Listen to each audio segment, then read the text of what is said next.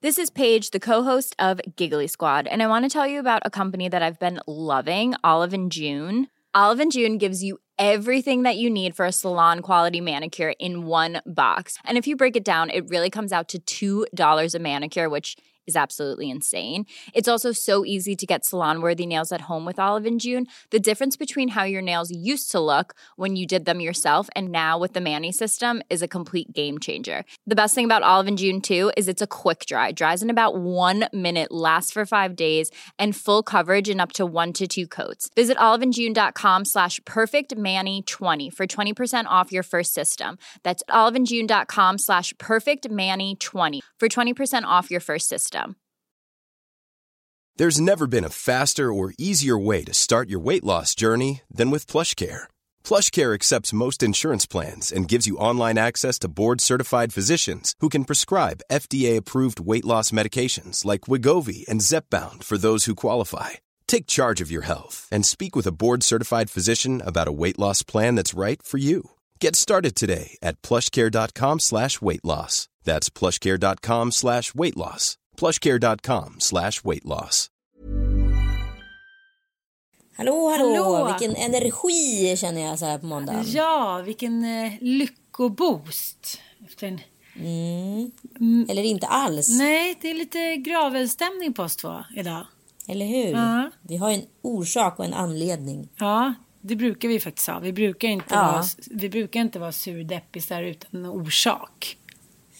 Precis. Mm. Ska du eller jag? Vi klunsar. Kör du. Okej.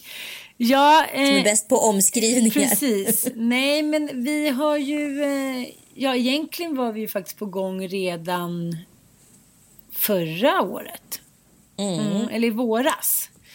Vi bestämde ju det att vi skulle göra det under det här året. Ja, vi skulle, vi skulle göra det här tråkiga som vi snart ska berätta om. Och nu eh, har vi bestämt att nu eh, så ska vi verkställa den tråkiga nyheten. Usch, nu låter det som att någon ska dö, men det ska det ju nästan. Lillelördag ska gå i graven, i alla fall tillfälligt få ligga en liten kista och eh, ruttna.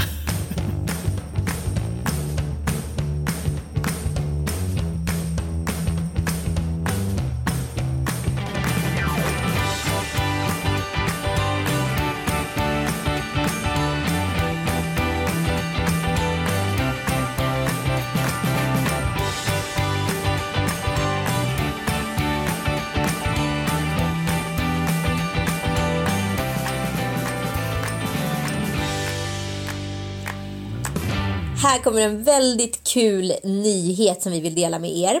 Många vill ju som sagt ha ännu mera crime, så inom kort kommer vi släppa en boostad version utav Lille Lördag Crime som vi döpt om till Partners in Crime.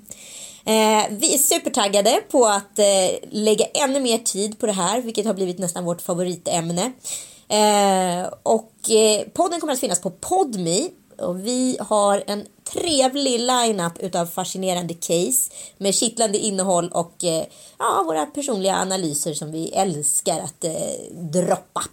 Så stay tuned eh, så meddelar vi när det första avsnittet är släppt. Vi hörs i ny kanal, Podmi. Och sen så finns vi ju även här tillsammans med Nisse och Manne i våran helt nya podd som heter Kvartsamtalet som börjar på torsdag. Och eh, det kommer ju vara en relationspodd där män möter kvinnor. Eh, ja, på gott och ont. Mest gott hoppas vi. Och på ett rappt, eh, humorfyllt och eh, gränslöst och faktiskt lite utbildande sätt kommer ta upp det här hur vi ska leva våra liv och varför i en relation. Väldigt, väldigt spännande tycker jag. Jag har redan lärt mig jättemycket. Mm, Verkligen. Och det är så kul att få insikt i det här med manligt kvinnligt hela tiden också. Ja, för att det blir ofta när man ska liksom tala eller prata eller disputera kring manligt och kvinnligt att det sitter kvinnor på ena kanten och eh, det sitter män på andra och eh, män är ju inte så himla talföra ofta när det gäller känslor. Jag har ju pratat med mina killkompisar och mina män och det är ju inte så här att man sitter och snackar tjejer på hela herrmiddagarna direkt utan det verkar ju mest vara golf och jobb och sånt där så att det är liksom killarna har ju hamnat lite efter så nu ska vi försöka ja, hjälpa er män lite. Att ni ska få lite utbildning kring det här med känslor. Vi behöver också det och inte bara sitta på kammaren och tro att vi vet bäst hela tiden. Så att, eh, ja, håll ögonen öppna och det kommer komma en akademisk kvart varje torsdag. Och eh, sen i slutet av varje månad så får man liksom hela göttigheten i en lång, eh, rafflande relationspodd där vad som helst kan hända. Precis. Mm. Man ska väl kanske säga så här att vi tar ju liksom ett, ett lite längre uppehälle nu med Lille Lördag. Det är så kanske att vi kommer tillbaka eller så gör den inte det. Hur som helst så utmynnar den i alla fall 2019 i Kvartsamtalet och eh, Partners in Crime. Första crime-caset är dessutom Anna Nicole Smith. Mm. Spännande. Ja, och det man ska säga lite om, eh, vad ska man säga, Partners in Crime är att den är lite mer väl det man ska säga om Partners in Crime är att den är mer välregisserad, det är mer klipp, det är mer dramaturgiskt, dramatiskt. Så att eh, den kommer vi lägga ner mycket tid på. Det ska bli skitkul tycker jag. Verkligen. Det känns ju lite som att så här, Lille Lördag har gått eh, lite eh, på tomgång senaste två månaden och mm. vi har väl båda känt att så här, det är dags att göra något nytt med podden. Eh, och ja, så det här känns som en naturlig utveckling även om det är tråkigt för våra trogna Lille Lördag-fans där ute. Ja, ni är, och ni är ju inte så få. Nej, Nej, precis. Men ni får vara med på vår resa och jag hoppas att ni supportar oss i vad vi åtar oss och eh, vi kommer se till att eh, göra något gött för er. Vi finns ju här hela tiden. Ja, kommer snart dyka upp någon annanstans eller vara tillbaka på samma ställe. Det vet man aldrig. Man ska inte skämmas Absolut. om man kommer tillbaka snabbt. Nej, men grejen är ju man kan ju inte hålla på med tre poddar. Det blir ju liksom lite mycket. Nej. Så det blir två till ja. att börja med. Mm. Så häng med oss där, för vi vill att ni ska vara med oss. För vi gillar er väldigt mycket. Vi är lite kära i er. Mm. Mm. Okej, ja, det blev ju lite svårt avstamp till något göttigt, härligt, upprymt. Har något kul som har hänt i helgen? Ja, något kul som har hänt i helgen. Jag har haft en så här extremt vit och lugn helg. Jag är ju liksom inne lite på någon sån här form av hälsosväng mm. eh, i, i december. Jag bara tycker att jag har goffat till mig den här hösten och alla är väl olika och agerar olika runt det här. Men jag älskar ändå känslan att komma i mina jeans och att de sitter som de ska. Så att eh, jag bara bestämde mig för att ta det lite lugnt med sötsakerna nu så länge jag kan för sen kommer det ändå bli ganska mycket under julhelgen. Så ja, det har varit liksom eh, både paddel och träning och sånt som jag faktiskt tycker är jävligt trevligt. Eh, och ingen booze överhuvudtaget. Sade jag och stoppade in en Ferrari-bil Hur går det för dig och din eh, PT-session? Han är inte nöjd. Han bara, ha nu på sjukhuset, ha nu har någon vattkoppor. Han bara, nu är det sjätte veckan du vabbar nu eller? Jag börjar räkna efter. Det är liksom sjätte veckan som någon mm. unge inte går till skola eller förskola. Men alltså det är ju helt, mm. det är ju för fan en uh, doomed. Det är ju en förbannelse. Hur känns det här för dig som alltid varit liksom en working mother och liksom inte varit den som kanske varit hemma med barn, men nu är ju du det. Ja, eller liksom vadå? Det, det, jag pratade med mitt ex om det där. Jag sitter förresten och poddar hans lägenhet nu. Väldigt roligt att säga, ja, där är den där gamla lampan och där är den där gamla säng. det måste ju vara någonting så Jag tycker ändå att jag köper nya sängkläder ganska ofta. Jag tycker det är ganska viktigt att liksom, ja men du vet, fräscha upp det där och unna sig någon, ja men en gång liksom i halvåret köper man väl ändå ett nytt bäddset, gör man inte det? Eller? Jo. Ja, ja men du vet, ish. Ett år kanske. Ja, här är liksom, jag bara, men gud, det där är ju bäddsetten från mina föräldrar. Men är inte det där den ständiga grejen med män? Eh, att de inte förstår hur myset uppstår. De tror bara liksom att myset, det finns där. För de har aldrig behövt tagit liksom man aldrig behöver analysera myset. De tror liksom att det ingår 18 kuddar i en soffa i olika färger. De förstår inte att det är noga utvalt. Och, det bara satt där när de kom hem en dag. Det bara var där. Alltså en säng ingår, kommer liksom ja. från Ikea med ett, liksom, ett fantastiskt trevligt bäddset. Mm. Det bara är så. Men jag tror, det... jag tänker också, eh, många av de männen som vi har dejtat och eh, du varit gift med, så här, det är män som är uppvuxna med 40-talistmorsor och farsor. Mm. Och de mammorna, kanske inte min då, men jo, fast hon också, de har ju liksom trollat med knäna på något sätt. Det är så här, ja men man tittar bort och sen tittar man tillbaka, då är det liksom någon god middag framdukad. Man tittar bort och tittar tillbaka och då är det nybäddat. De har liksom varit högeffektiva. Mm. Eh, dels kanske för att de inte haft sådana liksom, superstora krav på arbetsmarknaden allihopa, inte till en början i alla fall. Och dels för att det liksom skulle vara så, så de har på något sätt så arbetat upp ett arbetsminne, att de är så här, jävligt effektiva och snabba för att det var det kvinnor skulle vara från ja, fram till kanske för tre år sedan, ett år sedan. Eh, så att, eh, det finns liksom ingen baktanke kring det här utan de tror på allvar att kvinnor liksom trollar fram saker eller att det kommer med, det är ungefär som lite som med mat. Mattias, vi är världens bästa magiker. Ja, men Mattias kan vara säga, men gud vad tråkigt det här såg ut. Man bara, ja du har inte tänt ljusen, det finns inga grönsaker till, eh, du har knappt dukat. Alltså så här, det, det sker bara, det är inte liksom ett trolleritrick alla Aladdin, I wish. För fan, I wish. Men, men eh, liksom allt mys är så jävligt hårt arbete bakom.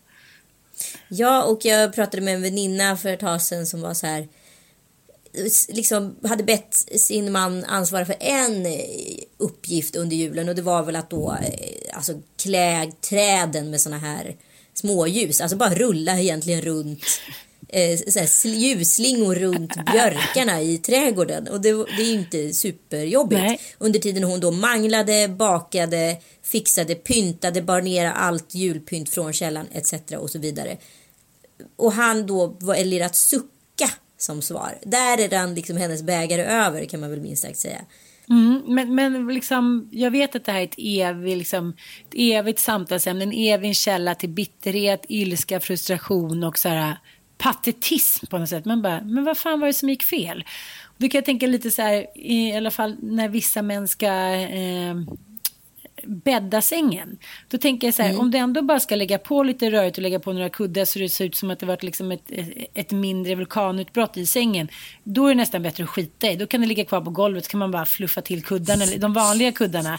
Men, men förstår du, det blir bara liksom ja. det, det halvhjärtade sättet.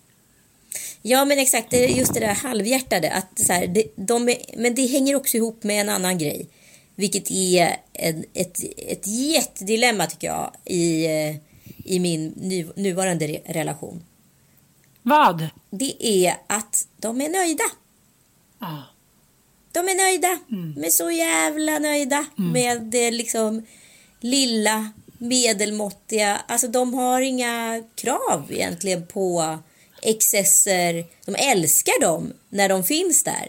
Men eh, det är inte så att de någonsin förstår eh, hur man tar sig dit själv. Men, att det krävs liksom en ansträngning.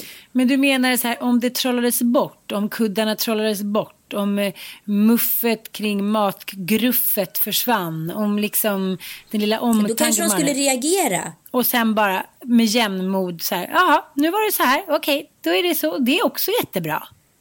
De kanske skulle reagera, men sen skulle de anpassa sig. För de är i grunden nöjda. Igår fick jag en utskällning för att säga, vad är det med dig och lampor? Denna besatthet av lampor, att det ska stå en liten lampa och det ska upp lampor. Jag sa så här, men att gå omkring lite som i en grotta, då kunde vi lika gärna liksom strunta till utveckling och teknik och allting. Det härliga är ju när man går in och det gnistrar och är ljust, inte att man går in i en grotta, mm. då kan man lika gärna, alltså, förstår lite vad jag menar? Att det, ja. Men eh, det, liksom, då tycker han att jag, det är något fel på mig att jag vill ha så mycket lampor. Och så satte han upp en så trillade den ner och så blev han ännu mer förbannad. ja men jag tror att så här, jag tror att så här, det är inte bara liksom just i min relation, jag tror att det är ett grundläggande problem män och kvinnor emellan. Mm. Att män är så jävla nöjda och bekväma. Mm. De har ingenting emot excessen men eh, de gör inte heller någonting för att addera till den. Men vadå, du och jag har pratat om det där om unga tjejer. Jag pratade faktiskt med eh, en, eh, en annan kvinna om det där som jobbar som, eh, inom psykiatrin. Och hon sa det att det, det är väldigt stor skillnad på tjejer idag. De är inte särskilt intresserade av liksom sex eller de är inte intresserade av att bli så jävla fulla eller hålla på och liksom vara med på killarnas villkor. De är ganska präktiga de unga tjejerna som jag pratar med. Det liksom mm. har andra orsaker att de kommer hit än att de liksom har så här krökat ner sig eller börjat röka braj eller liksom ligger med var och varannan människa hit och dit. Utan det är så här, nej, de är inte säkert intresserade. De vill liksom satsa på sig själva. Sen finns det massa andra liksom tjejfällor. Men, men det tycker jag är så jävla befriande. Så jag kommer på mig själv hela tiden att jag vill inte säga så här, men det är så män är. Det är så det är. De är sådana. Men ändra på det då. Eller? Eller är det, det är tydligen så jävla svårt. Du måste säga, jag tror så här, om till exempel Jure skulle vakna imorgon och det inte fanns något hemma men att han låg på en madrass och det var tomt. Ja men då skulle han vara tvungen att ta tag för han vill inte bo på en madrass. Nej men det, det är intressant som i helgen då, då det här, det här är kanske två situationer. Det här är en man som då kommer från ett singelskap från länge där han bara behöver sett om sig själv. Han har också då från eh, barndomshemmet då inte behövt ta ansvar för inhandling av eh, matvaror etc. Och då när han är singel då, då köper han det som han behöver. Kanske för dagen, kanske för veckan. Alltså det är ganska liksom easy shopping. Mm. Och sen kommer han in i en familjesituation där det liksom ställs högre krav på hur ett dygn också kanske ser ut. Alltså att det finns tids, eh, vad ska jag säga, tidsstolpar eller liksom nu går man upp, nu äter man frukost, nu går man till jobbet, sen kommer man hem, så lagar man mat, sen nattar man barn. Alltså, det finns ju, dagen fortlöper ju liksom i olika tidsetapper, kan man säga så? Hållpunkter, ja. ja. Hållpunkter. Eh, och då gick han till livsmedelsbutiken i eh, fredags och kom hem en chipspåse gladare. en chipspåse? Ja, och då var jag så här, det finns ingen mjölk. Det finns ingen frukost, det finns inget så att så här, resultatet är då att vi får åka och handla en gång till. Mm, mm. Istället för att man ställer den liksom ganska, vad ska jag säga, enkla frågan, är det någonting vi behöver köpa hem? Jajamän skulle jag kunna säga. Min nya utmaning är också till mig själv och till honom är ju att inte skriva listor längre när han handlar mat utan att han själv ska få skriva listan utav vad vi diskuterar fram som fattas. Men vadå, han kom hem med en chipspåse enkom? Japp. Men, jaha, okej, vad, vadå, vad, vad, nej men nu måste jag bara kräkas lite i en liten ask. Men, men vad säger du då, blir inte du tokig då? Nej men alltså jag har ju valt att inte bli den här mannens mamma. Ja, så du bara säger, ja men gud vad gott, då käkar vi grill, Nej, men då får, väl han, eh, då får väl han komma på det själv tänker jag. Alltså det här är någonting som fattas. Hur ska vi göra resten av kvällen? Nu har ju jag fått mina chips, men eh, det där med middag då? Vem är det som ansvarar för det? Ja, jaha, det kanske är jag. Ja, men sänker den inte garden då? Så här, men vadå, vi tar någonting som var hemma. Vi tar lite filmjölk och mackor. Den brukar jag kunna få ett svar liksom. Det är väl lugnt. Vadå, vi är inte så hungriga. Nej, men då får kanske han inser. Att, alltså, jag har bara bestämt mig för att jag inte ska morsa honom. För då, blir jag, då curlar jag honom och då hjälper jag inte honom, då skälper jag honom.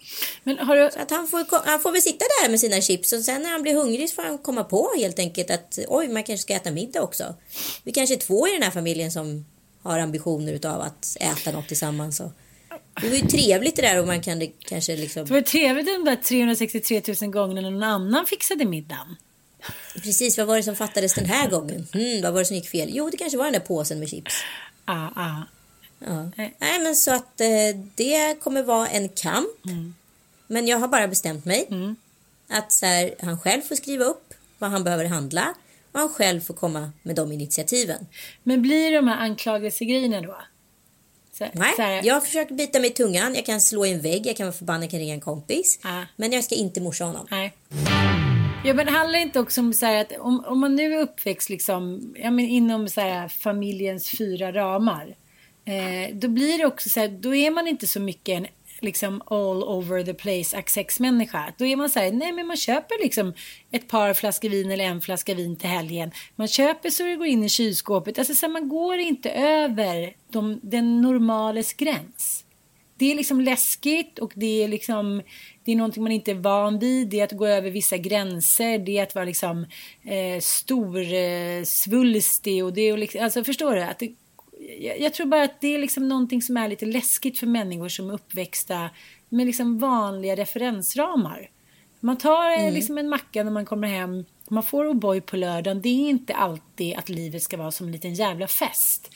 Och det där tycker jag, liksom, jag vet inte, det har väl säkert liksom varit gjort att jag kanske hade en roligare uppväxt. Men det är ju väldigt svårt att ta till sig vardagens liksom, vanligheter när liksom man är uppväxt med att varenda jävla dag, varenda onsdag ska vara som en lördag. Såklart. Ja, och när pappa kom hem och varit bortrest. Och det var så mycket presenter hela tiden. Och nu skulle det minsann grillas och lagas mat och vara uppe sent. För nu var pappa hemma. Men du vet också att så här, det där är så intressant för att eh, eh, just med presenter och godis. Det är tydligen väldigt, väldigt van, mycket vanligare just i eh, hem där det har funnits missbruk. Mm. För då blir ju det någon form av belöning. Mm. Dels för att då ge föräldern eller föräldrarna access för att dricka. Mm. Man köper sig fri. Det blir en liten så... fest. Man kan alltid hitta på att oj, nu var det en tulipan som växte upp i rabatten. Då måste vi ha blomsterfest och fira in våren. Det finns, ah, exakt. Det finns alltid... Så kommer det en liten present till barnen. Så mm. har barnen en litet kalas. Mm. Och så blir det en liten present till de vuxna. Mm. Så har de vuxna också lite kalas. Mm. Och så kan inte barnen heller anklaga de vuxna för att vara dåliga föräldrar för att de har ju precis fått en present så att de har ju blivit liksom mutade på en Ja, det är klart. Eller de som, som jag, unga människor som jag har träffat vars föräldrar så här, har bjudit dem på liksom kröken ordentligt sen de var typ så här 13-14 år för då har de ju någon att kröka med och det är ju väldigt svårt att liksom eh, förstöra eller ifrågasätta festen när man själv sitter och dricker med på den. Det tycker jag är det vidrigaste Precis. sättet. Ja, precis. Men, men å andra sidan ja, så kan det vara en väldigt, så här, det kan ju vara väldigt bra eh, att ha någon som är liksom mycket, mycket mindre generös och mycket, mycket mer eftertänksam än man själv. För på något sätt så blir det ju 50-50. Men ja, det är väldigt svårt det tycker jag. För man är ju stark i sin övertygelse att pengar ska brännas och nu ska det köpas fina hus. Och nu, alltså, man ska alltid fläska på och det ska alltid vara lite mer. Och nu är det middag och oj, nu fyller jag år. Då bjuder jag in alla i liksom hela kvarteret. Alltså så här det finns aldrig några begränsningar och ibland så är det inte så jävla roligt att ha den där största festen eller största kalaset eller dricka mest vin. Alltså, man tror alltid att the more the merrier, men det är ju inte alltid så. Men jag tänkte verkligen på det här med förebilder. Jag såg att eh, Håkan Hellström hade fått väldigt mycket kritik. Han har ju släppt en ny skiva nu i, eller en singel nu i eh, december. Mm. Eh, och själva vad ska jag säga, lanseringsbilden på Instagram det är en brinnande skiva som han står och tänder sin cigarett på. Ja. Och då har en ny generation Håkan-fans reagerat väldigt negativt att han röker på bilden. Oj, jag bara... Eh... som den rockstjärna han är. Eh, och att det var verkligt tyckte de. Det tyckte de kändes jättekonstigt att han skulle röka och, och varför var det nödvändigt? Och det kan man ju ifrågasätta och han är ändå en förebild. Och då undrar jag lite om det här för jag får ofta så här mail om jag så här eh, skrivit ut någonting så här, är det någon som vet det här eller det här funkar det här om olika saker inom skönhetsindustrin. Eh, och då är folk så här, hur kan du uppmana eller fråga, fråga folk om det här, du som är en förebild. Mm. Och då förstår man så här, jaha, jag är en förebild, shit, det kommer med ett ansvar. Mm -hmm. Men vad är en förebild? Ja, men alltså, en förebild tycker jag på något sätt är någon som går i bräschen för att folk ska vilja göra någonting bra. Förstår du lite vad jag menar? För att folk ska vilja förändra sig eller folk ska vilja liksom upprepa förebildens beteende eller livsverk på något sätt. Är inte det en förebild? Men jag tror inte att eh, det finns förebilder. Förstår du? Men jag kommer ihåg jag, när... när jag tror att så här, Martin Luther King, det är en förebild. Mm, mm. För att han så här... Han har själv utnämnt sig till någon bättre vetande som vill förändra, som har en vision, som har en dröm och så vidare. Men om du har ett konto i sociala medier där du har relativt mycket följare är det verkligen att vara en förebild per definition? Är inte det att vara en intressebild? Nej, det är lite som du säger, att, att vara en förebild är för att man själv också på något sätt har utnämnt sig till någon som ska föra talan eller hålla facklan lite högre än alla andra kring ett visst ämne. Förstår du lite mm. jag menar? Till exempel. Ja, men om jag hade brunnit för en sak, en sakfråga liksom, mm, mm. så hade, det, hade jag ju såklart varit en förebild inom just det. Ja, men, men, men kan inte liksom, måste man, alltså människan är ju väldigt komplex. Jag, menar, jag kan ju vara en förebild till exempel eh, genom att jag har gjort dokumentärer om anhörigskap. Då kan jag vara en förebild genom att jag så här, har försökt göra någonting av att sprida budskapet, att försöka att inte hamna i samma situation. Men sen är, an- men sen är andra, liksom, jag kan ju inte vara som till exempel i moderskapet, där liksom famlar jag mig fram som alla andra. Sen kan jag ju framstå som en kärleksfull mamma, men jag kan ju ändå inte säga så här, åh, jag är en pedagogisk förebild.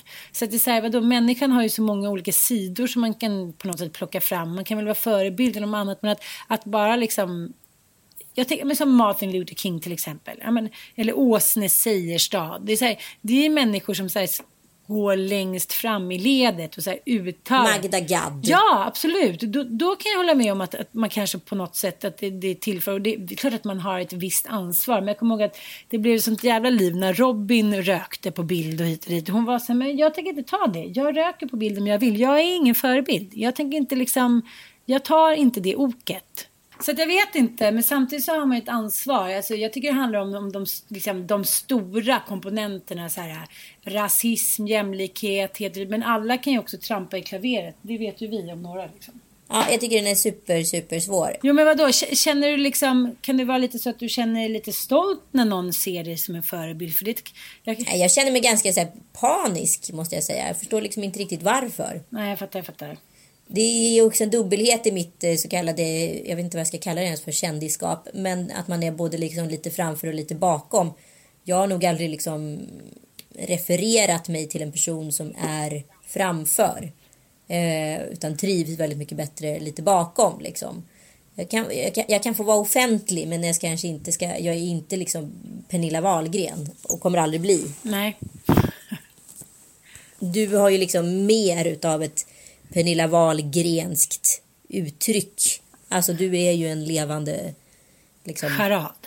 Dokusåpa. Ja, jag fattar, jag fattar. Men, liksom, men det här är ju lite funderingar som du eh, har haft senaste tiden ju. Att du säger, vad är jag på väg? Liksom, vad ska jag tillbaka till något? Eller ska jag till någonting? Ja, men man har ju liksom kastats runt i så här olika sammanhang och liksom fått per definition en karriär gjord av slumpen. Ja, jag fattar, jag fattar. Det var inte alls hit jag var på väg. Ja, jag fattar. Eh, och jag vet inte riktigt hur jag ska liksom eh, vända den här Finlandsfärjan om jag inte börjar så här avpolitera mig från diverse alltså, grejer. Förstår du? Har det blivit en ofrivillig cirkus? Ja, men lite så. Alltså, det är inte så att jag mår dåligt av det, men liksom det som skedde under det året när jag och Kalle separerade och man liksom fick vara... Eh, jag vet att jag är en person som klickas bra mm, mm, mm. på Aftonbladet. Mm. Jag vet att jag är en person som säljer lösnummer i Svensk Damtidning. Jag vet inte om det är henne jag vill vara liksom. Men, men det där är ju ganska svårt för att om det finns ett behov av en sån människa som både man kan identifiera sig med för att den är någorlunda normal men som också kan göra de där utstickargrejerna lite så här. Ja men förstår du lite Anna Nicole Smith light. Då blir man ju älskad av tabloiderna och då vill tabloiderna ha en precis som man var fast hundra gånger mer karikatyr. För det är då man blir populär och sen vill man gå tillbaka till liksom träsko-Lisa, det, det är så här, då skriker ju pöbeln nej. Förstår du lite jag menar? Absolut. Mm. Samtidigt så tycker jag liksom, jag, jag, jag finner liksom inget intresse i att vara känd för att vara känd. Och just nu är jag känd för att jag har fyllt 40 och har en ung pojkvän. Det är inte en merit. Nej, men vad då känner du så?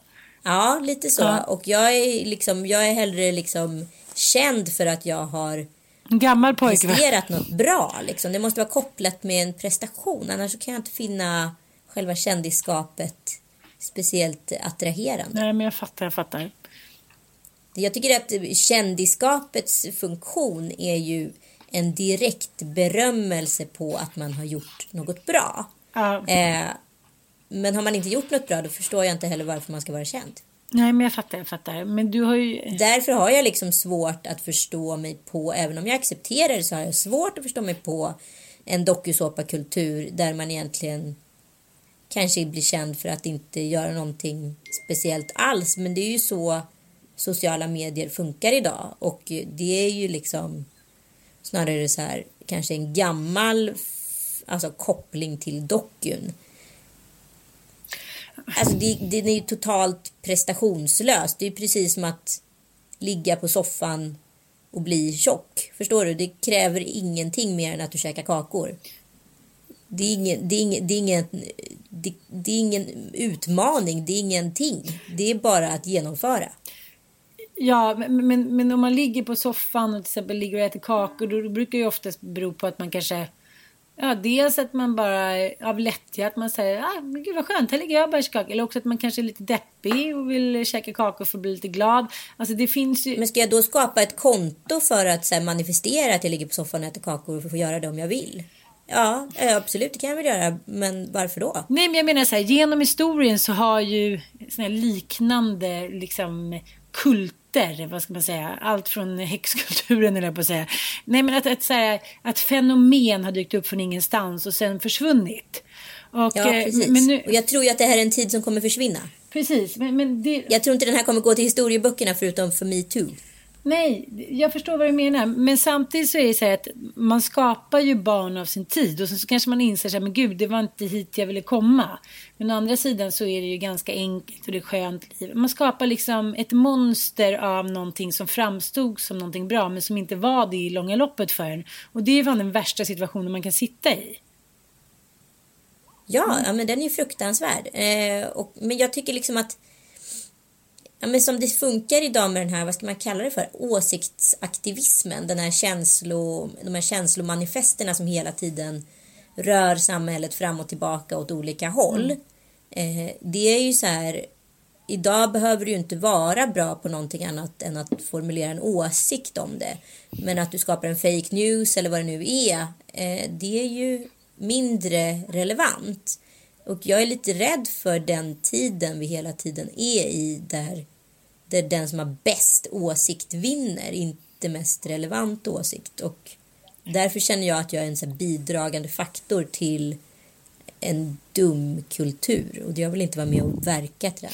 Men, men det handlar också om att så här, det är lite i, i såna här tider som uppstår när mycket liksom, jag menar, allt från terrorism till nepotism och liksom alla tittar på sin egen lilla persona och sin egen lilla värld och det är en ganska självisk värld. Då finns det ju ett omättligt behov av humorn och av skrattet och att man liksom ändå någonstans i det här mörkret ska ha jävligt roligt.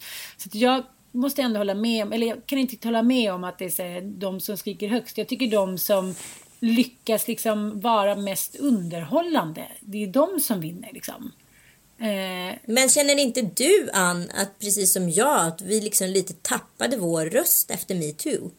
Allt som vi så här historiskt bara liksom en månad innan kunde så garva åt, det gick liksom inte riktigt att garva åt. Så att så här, och jag tycker inte riktigt att jag har hittat min röst rättvist än. Ja, men jag fattar vad du menar. Att vi var lite så här... I alla fall inte den offentliga rösten. Sen kan jag skratta åt saker i privata sammanhang som kanske inte platsar i en offentlig salong. Men den typen av humorpaketering, även om den var feministisk, den funkar liksom inte längre. Ja, men lite det att, som vi fick då mycket beröm för, jag vet inte om man kan kalla det för det, men att vi var så här ganska otjejiga, att vi inte kliade varandra på ryggen, att vi inte höll med varandra, att vi kunde vara ganska hårda mot varandra, att det inte var så här sister by sister. Eh, det har ju liksom inte, det, det var ju det som vi slog igenom som. Förstår du vad jag mm. menar? Så här, och, och den rollen är ju daterad. Nej, men det går ju inte längre. Och där har ju vi tappat vår röst lite grann. Och det är ju därför vi famlar lite just nu. För att vi vågar inte riktigt vara de vi var. Nej. Nej. Och eh, ja, då är det svårt. Och då får man hitta ett, ett liksom, nytt uttryckssätt och se vad det leder till. För att det är som du säger, man kan inte så här, sitta och gagga och liksom eh, hitta nya vinklar och bolla fram och tillbaka och smasha hit och dit när liksom allting anses vara kränkande. Det är liksom för fan helt omöjligt. Och liksom, jag är inte intresserad. Nej, och grejen är så här, jag är liksom, jag är den sista att här, stå i vägen för framtiden. Om jag nu inte är en så kallad framtidsmänniska längre, då kommer inte jag liksom eh, slåss för att försöka vara det. Nej, jag fattar. Kan man säga så? Nej, men jag fattar, jag fattar. Så jag tycker därför att så här, Lille Lördag har liksom inte riktigt någon plats 2019. Den måste gå i graven eh, för att kanske återuppstå på ett helt nytt sätt. Men innan vi kommer på vad det är så får den vara död. Det bara låter så sorgligt. Ja, men det är ju vi så. har blivit tystade. Vad sa vi du? Vi har blivit tystade.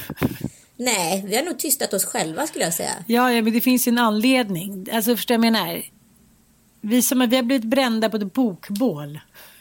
Ja. en fatwa. En fatwa. Ja, men alltså. Det, jag tycker liksom inte det är speciellt kul att veta att det finns x antal humorpoddar med män där ute som kan säga precis vad som helst och komma undan med vad som helst. Under tiden vi som tjej yppar en, liksom, en promille av vad de tjej, säger och får, blir liksom brända på bål. Då finner inte jag någon så här ro eller tillfredsställelse i att podda på det här sättet. Men det är ändå intressant det där tycker jag med humorn. Just det där det omättliga behovet som liksom alltid har funnits av att skratta. det är så här, det kanske i vissa tider har varit det enda som liksom hållit oss uppe. Men jag tänker att, att varje humorera, var, ungefär var tionde år så byts ju på något sätt humorn ut av olika orsaker. Eh, mm. Man tar till exempel som Skillinggänget som kom med ironin.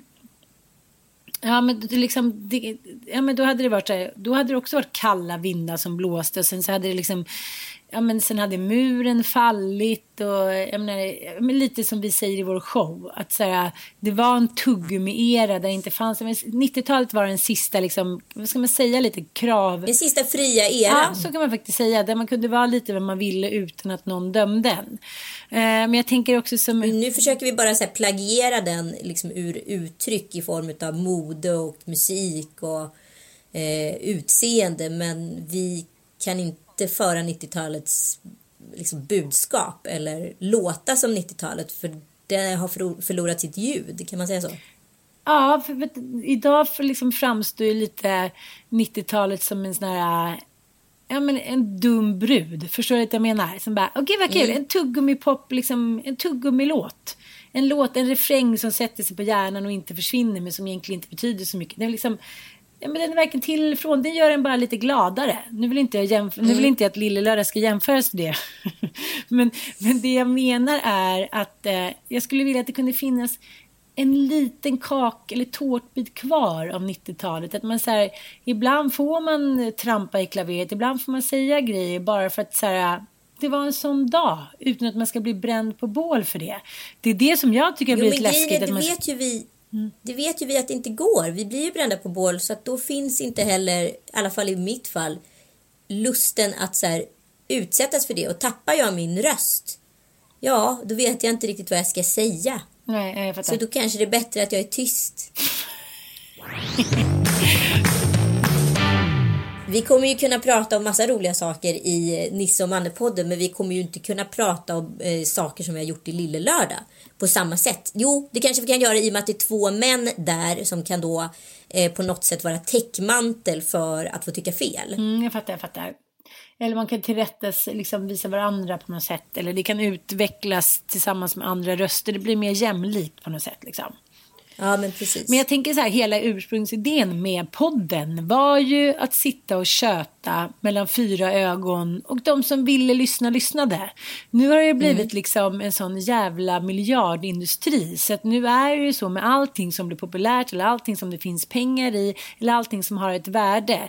Det märker man ju själv att liksom, ja men när det går bra för podden då skulle alla tycka till och då har man liksom, då är det på något sätt vad ska man säga, eh, ribban mycket högre, att man får trycka till för att man är populär. Men det vet väl alla liksom som har blivit, eh, vad ska man säga, riksälskade, de som har blivit folkliga, allt från Carola, ja, men, ja, men till Zlatan. Ja, då får man, så här, då får man tåla vad fan som helst, för då känner man stålar och då är man poppis och då får man vara nöjd med det. Men alltså när vi då skickade vårt så här indirekta uppsägningsmail till Acast. Det var inte ens någon som kommenterade det. För så är det ju i det här samhället. Det är ingen som bryr sig. Alltså det är ju så. Vi har ju ändå varit med dem i fyra år. Det är ingen som bryr sig att vi slutar. För så lite betyder man om man liksom det var bara en podd utav väldigt många. Ja, jag vet. Och det är också så här. Och sen så finns det alltid några som är liksom allra, allra störst. Och det har ju blivit viktigare och viktigare. Nu finns det liksom ingen plats för de som är under de allra största. Utan de liksom fem, sex poddarna som det brinner kring. Det är de som, som man får ägna all tid åt. Så tycker jag det kan vara. Det blir ännu mer. Jag menar, själva nålsögat blir ännu svårare att smita igenom på något sätt.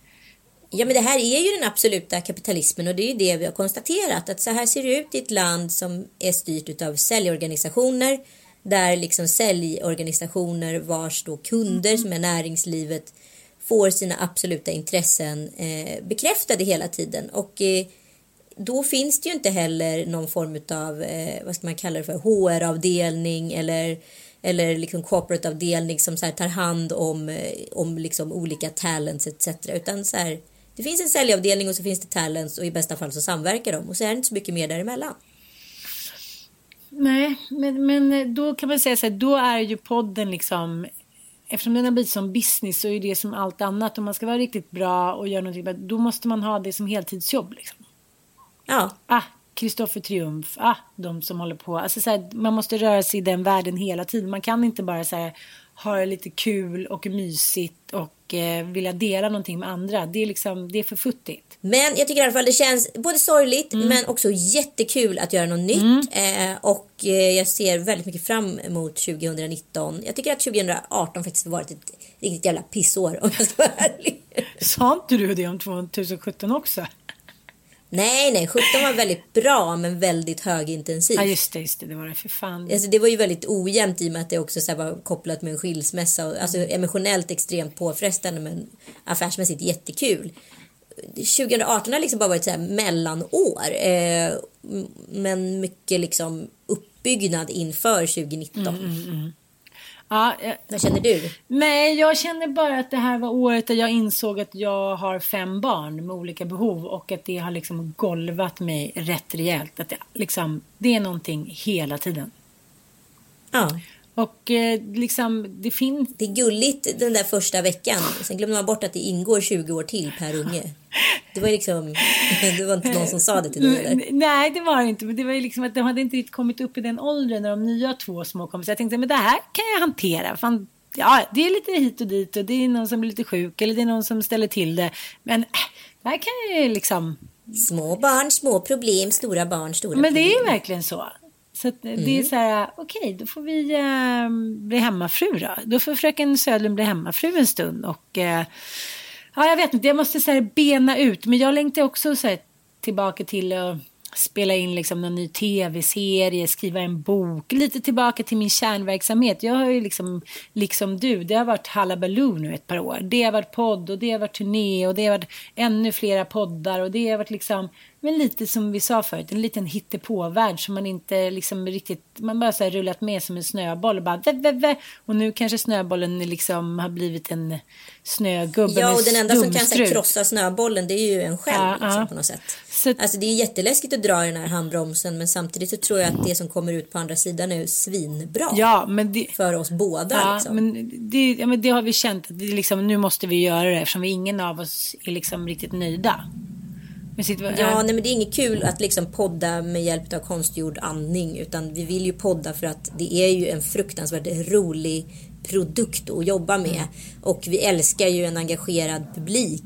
Eh, alltså på gott och ont. Men, men liksom man vill inte podda och få spö varannan vecka. Liksom. Nej, och man vill heller inte bli poddarnas Scandal Beauty bara för att ingen annan vågar. Den orkar jag inte heller bjucka på för det tar för mycket nej, av liksom... Nej, nej, och det var aldrig syftet. Nej, och det tar för mycket av liksom, det personliga kapitalet. Man så här, orkar inte vara då den här fembarnsmamman. Man orkar inte jobba med Anna om man hela tiden är så här, ute i någon form av krig mot andra kvinnor. Det är kanske det som jag tycker är allra, allra sorgligast. Liksom, att så här, det är inte liksom snubbarna vi krigar mot längre utan det är våra så här, medsystrar som vi trodde att vi stod ja tillsammans med. Liksom. Så det är lite märkligt. Ja, men, och det tycker jag ju i grunden är väldigt, väldigt sorgligt mm. att man så inser att det där som folk kallar för systerskapet, det, det är väldigt godtyckligt mm. på vad det är. Liksom. Och väldigt så här, väldigt olika vindar som blåser från vecka till vecka. Vad det är som liksom, man, man hinner liksom inte riktigt med vad som är galgen den där veckan. Vad blir man hängd för nu? Jaha, okej. Okay. Eh, ja, och sen så vet vi alla att det är några få personer som har talan inom just vem som ska hängas och inte hängas liksom. Mm. Och, och så här, eh, ja, jag vet inte. Jag, jag känner mig liksom tokig om jag bidrar till den här kulturen som håller på att skapas. Liksom. Mm. Det kommer mycket gott ur det men det kommer också väldigt mycket ont. Mm. Ja. Ehm, men som sagt, jag tror väldigt mycket på att eh, för att uppnå eh, ett jämställt samhälle så måste vi ju ta med snubbarna och det gör ju vi nu med hjälp av Manne och Nisse och det kommer bli fruktansvärt kul. Första avsnittet är ju så sinnessjukt roligt. Mm. Alltså första månadens avsnitt ska vi säga för det kommer ju faktiskt en akademisk kvart i veckan och sen så släpps det ju liksom ett jättelångt avsnitt på slutet. Mm. Nu kommer jag få massa skit för att jag röker på den där bilden, poddbilden. Ah, ja, fan. Spelar ingen roll vad man gör va.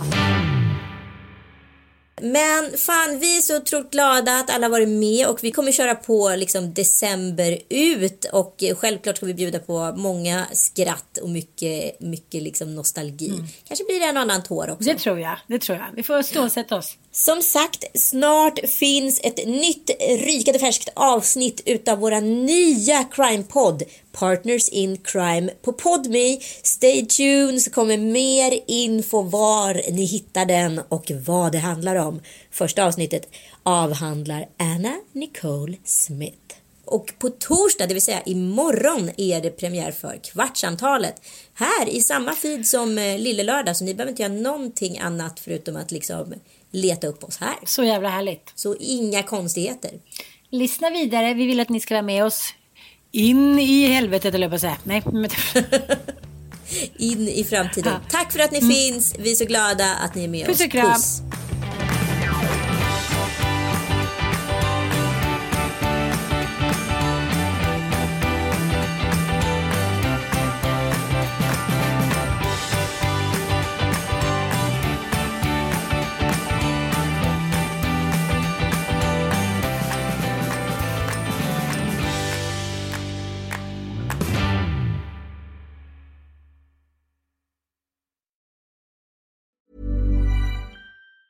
Planning for your next trip? Elevate your travel style with Quince. Quince has all the jet setting essentials you'll want for your next getaway, like European linen, premium luggage options, buttery soft Italian leather bags, and so much more. And it's all priced at 50 to 80% less than similar brands. Plus, Quince only works with factories that use safe and ethical manufacturing practices. Pack your bags with high-quality essentials you'll be wearing for vacations to come with Quince. Go to quince.com slash trip for free shipping and 365-day returns. Want flexibility? Take yoga. Want flexibility with your health insurance? Check out United Healthcare Insurance Plans. Underwritten by Golden Rule Insurance Company, they offer flexible, budget-friendly medical, dental, and vision coverage that may be right for you. More at uh1.com.